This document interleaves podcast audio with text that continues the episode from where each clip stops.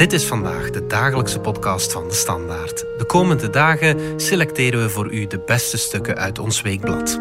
Met vandaag een stuk van Ruud Goossens van onze weekendredactie van zaterdag 31 oktober 2020 aan de vooravond van de Amerikaanse presidentsverkiezingen.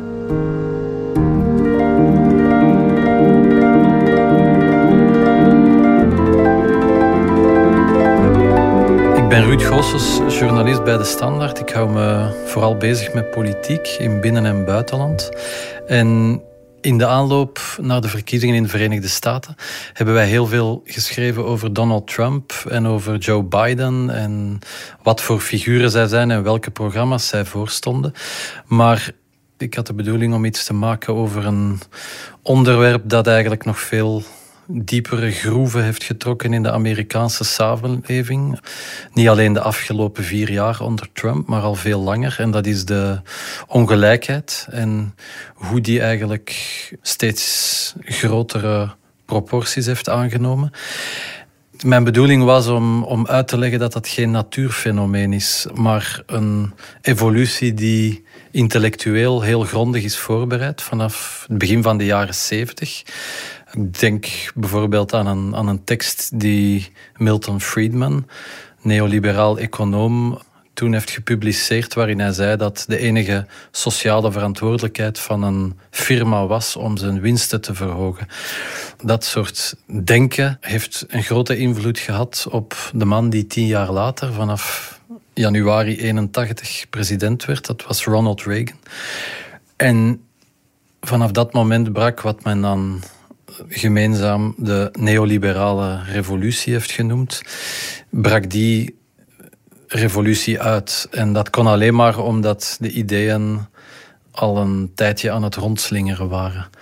En het heeft dingen in gang gezet die tot op de dag van vandaag een heel grote impact hebben.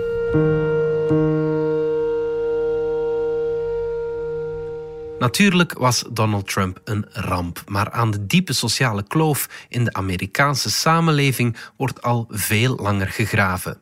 Vijftig jaar geleden begonnen de allerrijksten aan hun mars door de instellingen. De grootste tegenstelling is niet die tussen links en rechts, maar die tussen democratie en oligarchie. Er zijn onaangenamere plekken om te wonen dan de Upper West Side van New York, de wijk tussen Central Park en de Hudsonrivier. Maar enkele weken geleden zag een Facebookgroep van boze buurtbewoners haar ledenaantal toch snel de hoogte inschieten. De 8700 Upper West Siders waren ongerust nadat bijna 300 daklozen een kamer hadden gekregen in het chique Lucerne Hotel. Hun komst was een gevolg van een spreidingsplan van het stadsbestuur.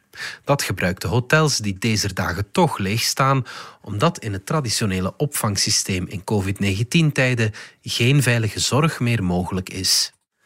Dat zagen de buurtbewoners niet zitten. Ze vreesden een stijging van de criminaliteit, aangezien er ex-gevangenen bij de daklozen zijn. Ze schakelde vruchteloos een peperdure advocaat in om de daklozen weer weg te krijgen. Het is een klassiek voorbeeld van het not in my backyard syndroom, maar dan wel in een extreme variant. In de Upper West Side stemde bij de presidentsverkiezingen van 2016 bijna 90% op Hillary Clinton. Net geen 70% van de bewoners is er wit. De wijk is een bolwerk van hoogopgeleide liberals. De gemiddelde prijs van een woning bedraagt er 1,2 miljoen dollar, wat net iets meer dan een miljoen euro is. Het verhaal is exemplarisch voor de gigantische tweedeling die de afgelopen decennia is ontstaan in de Verenigde Staten. Een steeds bredere onderlaag kreeg het alleen maar moeilijker. Daartegenover staat een minderheid die niet langer bereid is tot solidariteit en zich losrukt uit de maatschappij. Een minderheid die de ladder om op te klimmen en de American Dream waar te maken achter zich naar boven heeft getrokken. Dat is in deze tijden extra pijnlijk. Toen het coronavirus Amerika in het voorjaar bereikte, prevelde iedereen ook daar dat COVID-19 geen onderscheid maakte tussen arm en rijk, wit en zwart. Dat bleek in de praktijk Lari en apenkool.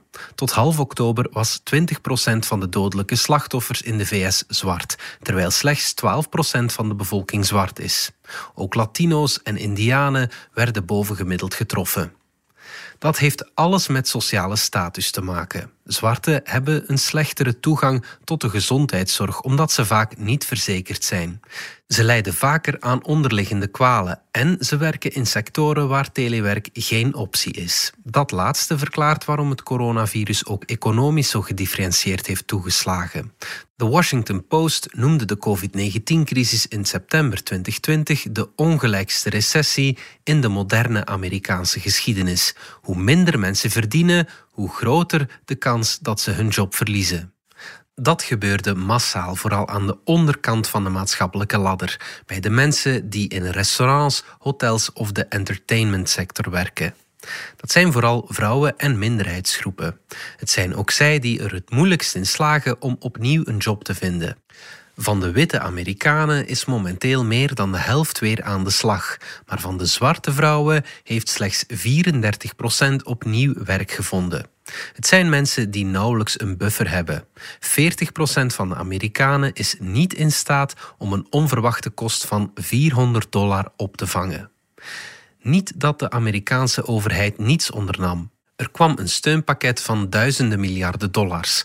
Daarvan was echter slechts een vijfde rechtstreeks bestemd voor werknemers en gezinnen.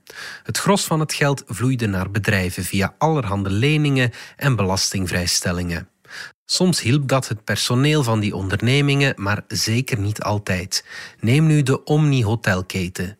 Die incasseerde 101 miljoen dollar uit een Paycheck Protection Program, maar zette wel 500 mensen in tijdelijk verlof zonder hun ziekteverzekering door te betalen.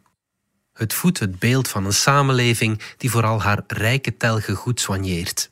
Zo voelen steeds meer Amerikanen het ook aan. Het vertrouwen in de instellingen is al jaren in vrije val.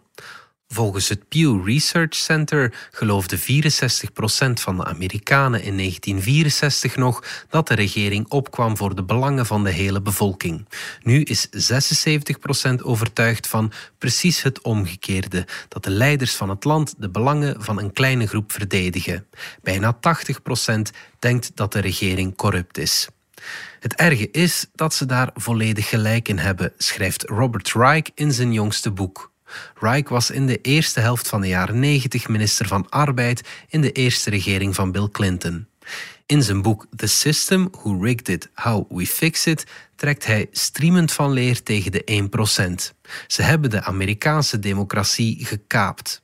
De grootste tegenstelling is niet die tussen democraten en republikeinen of tussen links en rechts, schrijft Reich. Het is die tussen democratie en oligarchie. De ex-minister heeft het onder meer over de tsunami van geld die sinds een aantal decennia naar Washington vloeit. Dat geld komt vooral van de allerrijkste. Bij de vorige presidentsverkiezingen nam de 0,01 procent, dat zijn zowat 25.000 personen, ongeveer 40 procent van de donaties voor zijn rekening. In 1980 was dat 15 procent. Het bedrijfsleven overspoelde de kandidaten met 3,4 miljard dollar. Dat is 16 keer meer dan de Amerikaanse vakbonden, die precies 213 miljoen dollar uitgaven. Zo wordt de stem van de werknemers nauwelijks nog gehoord in de besluitvorming. Die greep van het grootkapitaal valt niet in de schoenen van Donald Trump te schuiven, al deed hij Corporate America in 2017 wel een indrukwekkende belastingverlaging cadeau. Hij is evenmin het gevolg van een natuurwet, maar wel het resultaat van politieke keuzes.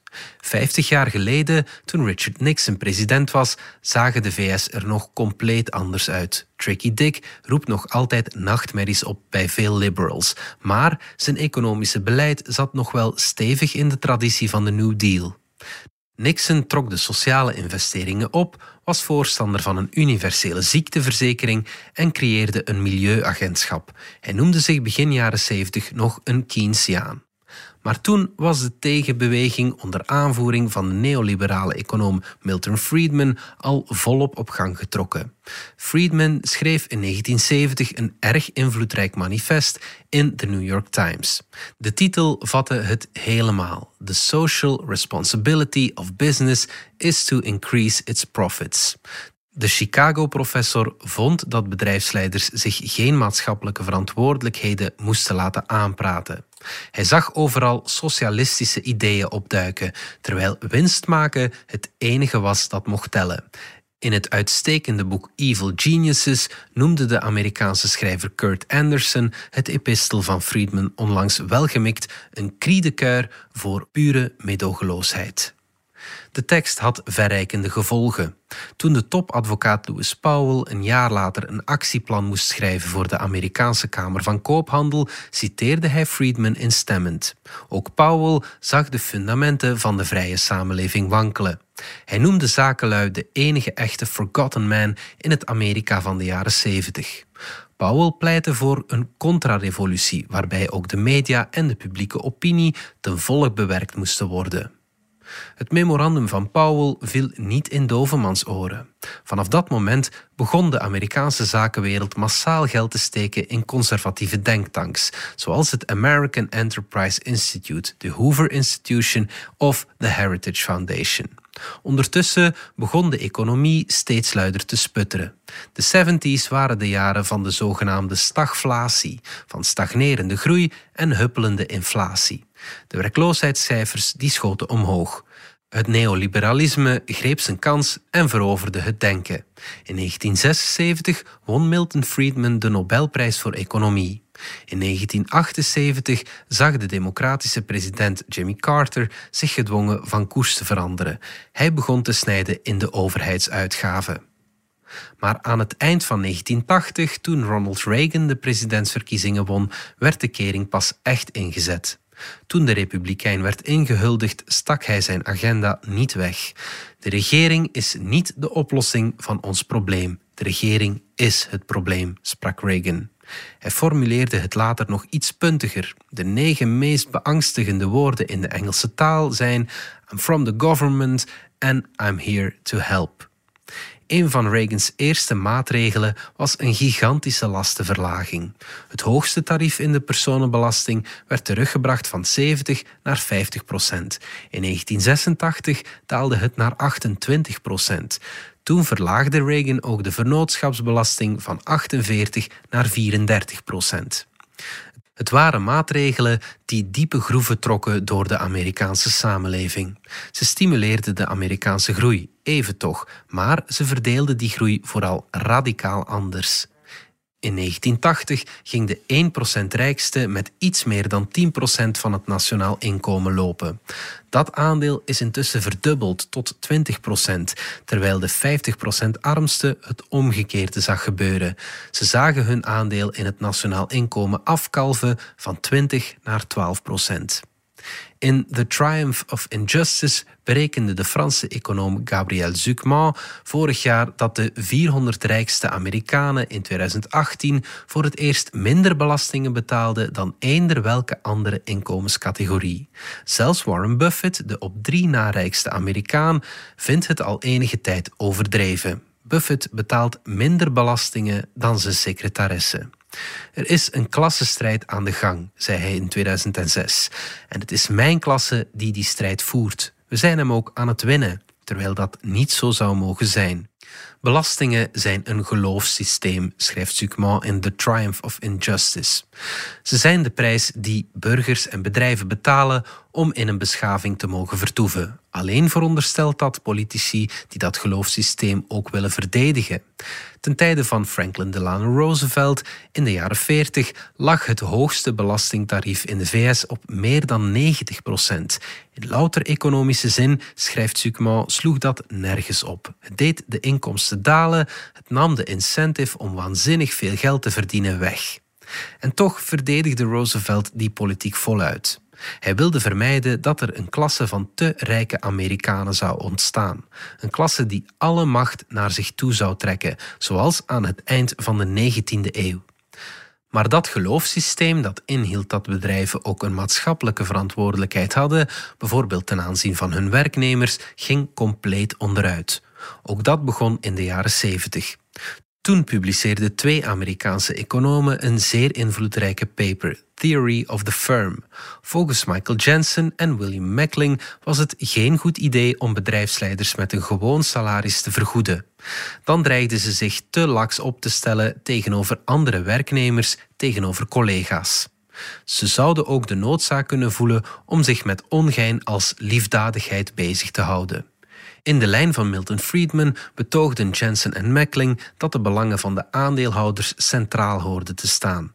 Daarom werden CEO's ook het best in aandelen vergoed. Het leidde tot een bijzonder kille invulling van het kapitalisme, waarbij het vet zoveel mogelijk weggesneden moest worden.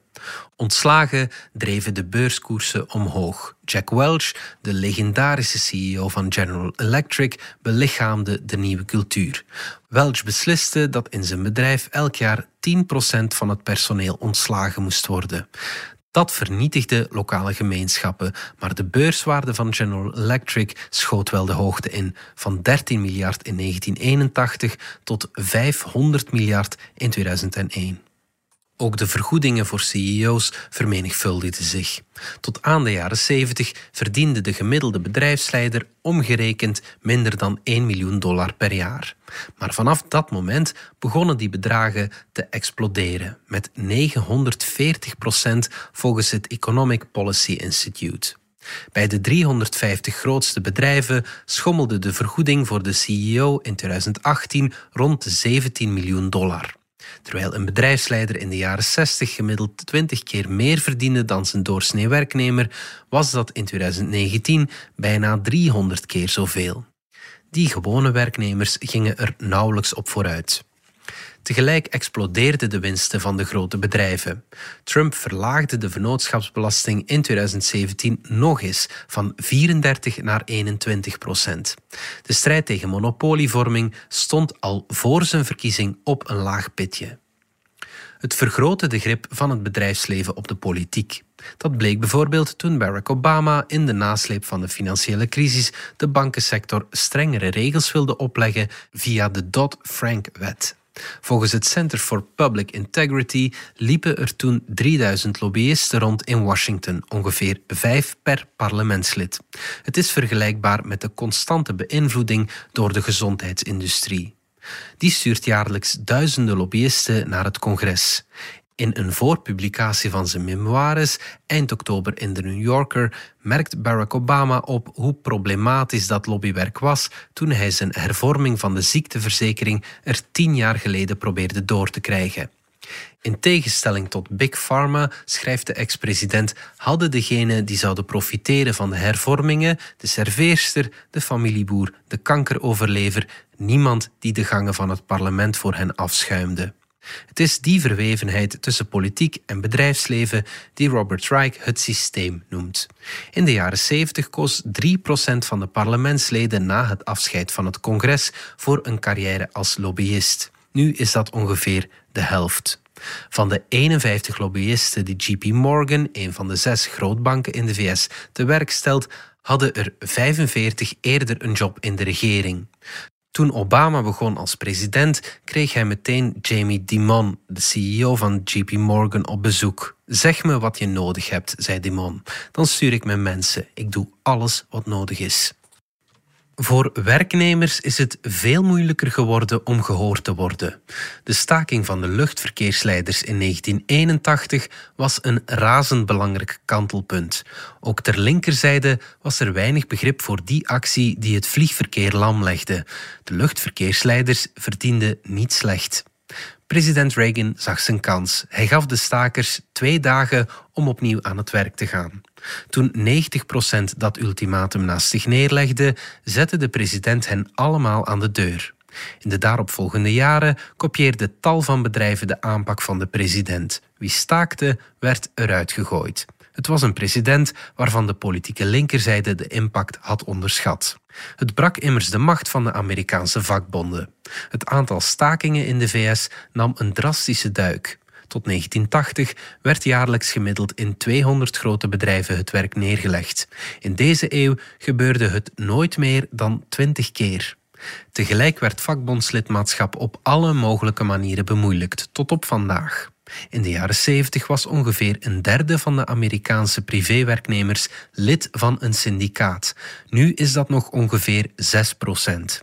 In het voorjaar hielden de Republikeinen in de Senaat nog een wet tegen die het collectieve loonoverleg een stroomstoot wilde geven en die financiële straffen wilde opleggen aan werkgevers die syndicale rechten met de voeten treden.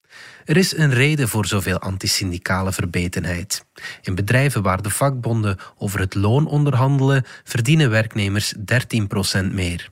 Ze hebben ook meer sociale rechten, zoals betaald ziekteverlof of een ongevallenverzekering. Dat bleek dit voorjaar nog bij UPS. Daar bereikte de vakbond een akkoord met de bedrijfsleiding om werknemers die aan COVID-19 leden toch door te betalen. Bij veel andere bedrijven was dat niet het geval. Het Economic Policy Institute ziet een directe link met de stijgende ongelijkheid. Sinds het aantal vakbondsleden daalt in de VS, berekenden ze daar, vloeit er meer geld naar de rijkste 10%. Het is niet zo dat de Democraten die trend nooit probeerden te keren, maar ze maakten er geen breekpunt van. Zoals Nixon moest werken in het kader van de New Deal, zo zaten zij vast in de neoliberale Washington Consensus. Net voor Bill Clinton president werd in januari 1993, verzamelde hij zijn economische adviseurs in zijn thuisbasis Little Rock, Arkansas. Clinton had een stevig investeringsprogramma beloofd, maar mensen als Larry Summers en Robert Rubin overtuigden hem tegen Robert Reich in om dat plan te begraven. De beperking van het begrotingstekort en lage interestvoeten leken hen crucialer. In Clintons tweede inauguratie, het tijdperk van big government is definitief voorbij, hoorde je de woorden van Reagan uit 1981 echoen. Je kunt niet zeggen dat hij geen enkele poging ondernam om het verschil te maken met de Republikein. Het hoogste belastingtarief ging opnieuw omhoog en Clinton probeerde een universele ziekteverzekering in te voeren. Maar hij zag af van een plan om de lonen van CEO's in te perken. Hij dereguleerde de financiële sector met veel gusto. Hij maakte bijvoorbeeld komaf met de scheiding tussen spaar- en investeringsbanken. Clinton drukte er ook het vrijhandelsakkoord met Mexico door, wat tot massale delokaliseringen leidde. En hij zette het mes in nog wat sociale voorzieningen. Maar de groei hernam. Heel wat democraten raakten er in de jaren 90, net als de sociaaldemocratie in Europa, van overtuigd dat wie het wilde maken daartoe ook de mogelijkheid had. Het is wat Michael Sandel in zijn laatste boek The Tyranny of Merit noemt. Wie succes had, maakte zich wijs dat dat alleen een gevolg van eigen verdiensten kon zijn en niet van gunstige maatschappelijke omstandigheden, zoals rijke ouders.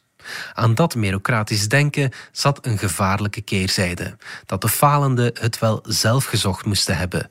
You can make it if you try, zei Barack Obama keer op keer. De linkerzijde verloor, volgens Sandel, compassie met mensen die de wind op kop hadden. Dat waren, in de woorden van Hillary Clinton, deplorables. Er schort natuurlijk nog iets anders aan die meritocratie, zeker in de VS. Ze berust op een onwaarheid die men de American Dream noemt. Die droom bestaat al lang niet meer. Het is haast onmogelijk geworden om sociale barrières te slechten. In 1970 verdiende het gros van de 30-jarigen, zo'n 92 procent, meer dan zijn ouders op die leeftijd. In 2012 was dat percentage geslonken tot ongeveer 50 procent. Als je arm geboren wordt in de VS, heb je nog een kans van ongeveer 1 op 4 om door te dringen tot de middenklasse. Als je arm en zwart bent, wordt dat 1 op 10. Daarmee scoorde de VS op het vlak van intergenerationele mobiliteit slechter dan zowat elke andere industriële natie. Misschien zie je dat nog het best als je naar het Amerikaanse hoger onderwijs kijkt. Meer dan twee derde van de studenten aan de Ivy League universiteiten komen uit het rijkste vijfde van de samenleving. Aan de absolute topuniversiteiten zoals Princeton of Yale zitten meer kinderen van de 1% rijkste dan van de 60% armste. Het heeft er onder meer mee te maken dat de kosten voor hoger onderwijs ongeveer verdrievoudigd zijn in 40 jaar tijd. Onze meritocratie, schrijft Michael Sandel, is veranderd in een erfelijke aristocratie. Zelfs het lager onderwijs ontsnapt niet aan de trend. Uit de rankings blijkt dat de elf beste lagere scholen van Amerika zich, geheel toevallig, in het Californische Palo Alto bevinden. Daar betaal je geen inschrijvingsgeld. Maar om in Palo Alto te kunnen wonen, moet je wel over heel veel geld beschikken. Een huis kost er gemiddeld meer dan 3 miljoen dollar. Het valt trouwens op dat de IMO-prijzen sterk gecorreleerd zijn met politieke voorkeuren. In de wijken die in 2016 vooral op Clinton stemden, betaal je gemiddeld 250.000 dollar voor een onderkomen. In de wijken die vooral op Donald Trump stemden, is dat 154.000 dollar. Dat wil niet zeggen dat Trump volledig te verklaren valt op economische gronden, maar er is wel iets aan de hand. Dat stelden ook Angus Deaton en N. Case vorig jaar vast in Death of Despair and the Future of Capitalism. Daarin schrijven de twee top-economen dat inwoners van Trump counties veel meer fysieke pijn rapporteren. Het heeft nogal dramatische gevolgen. Case en Deaton vlooiden uit dat de sterftecijfers van de 45 tot 54-jarige witte mannen in de VS tegen alle internationale trends in zijn gestegen sinds de eeuwwisseling. Het is een gevolg van drugs, alcohol en zelfmoord. Steeds meer mensen zijn wanhopig. En dat heeft, schrijven Kees en Deaton, alles te maken met het krakkemikkige en onrechtvaardige Amerikaanse gezondheidssysteem. Met een levensverwachting van 78,5 jaar bengelen de VS net niet onderaan in de OESO-ranking. Het bizarre is dat de ziekteverzekering desondanks handenvol geld kost in de VS. Jaarlijks ongeveer 10.000 dollar per Amerikaan of zo'n 18% van het bruto nationaal product. Dat is veel meer dan in Europa of België. Het is een gevolg van het feit dat de zorg grotendeels privaat en hoogst inefficiënt georganiseerd is. Geneesmiddelen worden tegen een drie keer hogere prijs verkocht dan in Europa. En de dokters zijn er dubbel zo duur als hier. De verzekeraars rekenen torenhoge premies aan. Doordat de premies zo hoog zijn, proberen veel werkgevers ronderuit te komen. Zeker bij laaggeschoolde werknemers kunnen ze al snel oplopen tot meer dan 50% van het bruto-loon. Dan wordt het vaak interessanter om de job gewoon te schrappen of te outsourcen, niet zelden naar een bedrijf dat zijn werknemers geen ziekteverzekering betaalt. Het heeft ertoe geleid dat veel lager opgeleiden hun koopkracht de afgelopen jaren stevig zagen teruglopen. Case en Deaton berekende dat er daardoor de afgelopen 20 jaar ongeveer 600.000 doden uit wanhoop vielen. Het merkwaardige is dat de Amerikanen nooit gekozen hebben voor zo'n systeem. Uit peilingen blijkt telkens weer dat een grote meerderheid van de bevolking vindt dat elke burger recht heeft op ziekteverzekering. Een haast even ruime meerderheid vindt dat bescherming desnoods met belastinggeld geregeld moet worden. Alleen lukt het, dankzij het efficiënte lobbywerk van de verzekeringsindustrie, maar niet om dat geregeld te krijgen. dus lopen er, ook na de goedkeuring van Obamacare, nog altijd 30 miljoen onverzekerden rond. Er zijn behoorlijk wat dingen die erop duiden dat er niet snel iets zal veranderen. Donald Trump gaf de afgelopen jaren een reusachtig fiscaal cadeau aan de miljardairs. Zijn regering zit er tenslotte vol van. Maar ook Joe Biden lijkt op het eerste zicht niet de man die het land in een andere plooi zal leggen. Biden steunde de belastingverlagingen van Ronald Reagan in de jaren 80 en de dereguleringen van Bill Clinton in de jaren 90. Bovendien trokken de megadonoren hun portefeuille al stevig open voor de tegenstander van Trump. De voorbije maanden haalde de Biden-campagne zo bijna 200 miljoen dollar op. Tegelijk is er afgelopen zomer ook iets veranderd. Het coronavirus toonde hoe kwetsbaar de VS geworden zijn met hun wankele gezondheidssysteem, verwaarloosde ambtenarij en torenhoge ongelijkheid. Terwijl Joe Biden zich in zijn kelder in Wilmington, Delaware verschool, werkte zijn team in nauwe samenspraak met het team van Bernie Sanders aan een bijgeschaafd verkiezingsprogramma. Dat bevat een investeringsagenda die een pak ambitieuzer is dan die van democratische presidentskandidaten in het verleden. Biden belooft dat hij miljarden in kinderopvang, onderwijs, infrastructuur en schone energie zal pompen. Misschien ontpopt de man, als hij verkozen geraakt, zich zo geheel onverwachts als de president die de verandering inluidt. De tijd lijkt er rijp voor. Een aantal voorstanders van de Reagan-revolutie gaf de afgelopen jaren al toe dat het kapitalisme in hun land is doorgeschoten. Er was niet alleen Warren Buffett. In zijn memoires schreef ook Paul Volcker, die in 1979 de Amerikaanse centrale bank ging leiden, dat hij onvoldoende had voorvoeld welke pijn open markten zouden veroorzaken bij belangrijke delen van de bevolking. Francis Fukuyama, die in 1989 het einde van de geschiedenis en de zegen van de liberale democratie bezong, zei twee jaar geleden dat de dereguleringsagenda in veel opzichten een rampzalig effect had gehad. In The Atlantic probeerde auteur George Packer, nogthans geen optimist als het over de toekomst van de VS gaat, enkele weken geleden wat moeten pakken. Hij stipte aan dat er de laatste jaren hard is nagedacht over een iets rechtvaardiger samenleving. Packer verwees naar Occupy Wall Street, naar Black Lives Matter, naar het succes van Bernie Sanders. Verrassender was dat hij er ook Milton Friedman bij haalde. Die schreef ooit dat echte verandering alleen mogelijk is in tijden van crisis. Of ze er ook effectief komt, hangt af van de ideas that are lying around. Wij moeten dus maken, schreef Friedman, dat de ideeën klaar liggen op het moment dat het politiek onmogelijke plots politiek onvermijdelijk wordt. Er slingeren wel wat ideeën rond. Het zijn niet die van Friedman. Voor de verhoging van het federale minimumloon, nog altijd maar 7,25 dollar per uur, is er brede steun bij de bevolking. Net zoals opinieonderzoek aangeeft dat er grote meerderheden zijn voor een hogere belasting van de allerrijkste, voor het recht van werknemers om zich aan te sluiten bij een vakbond of voor een universele ziekteverzekering. Misschien kan er in een post-Trump-tijdperk eindelijk iets mee aangevangen worden.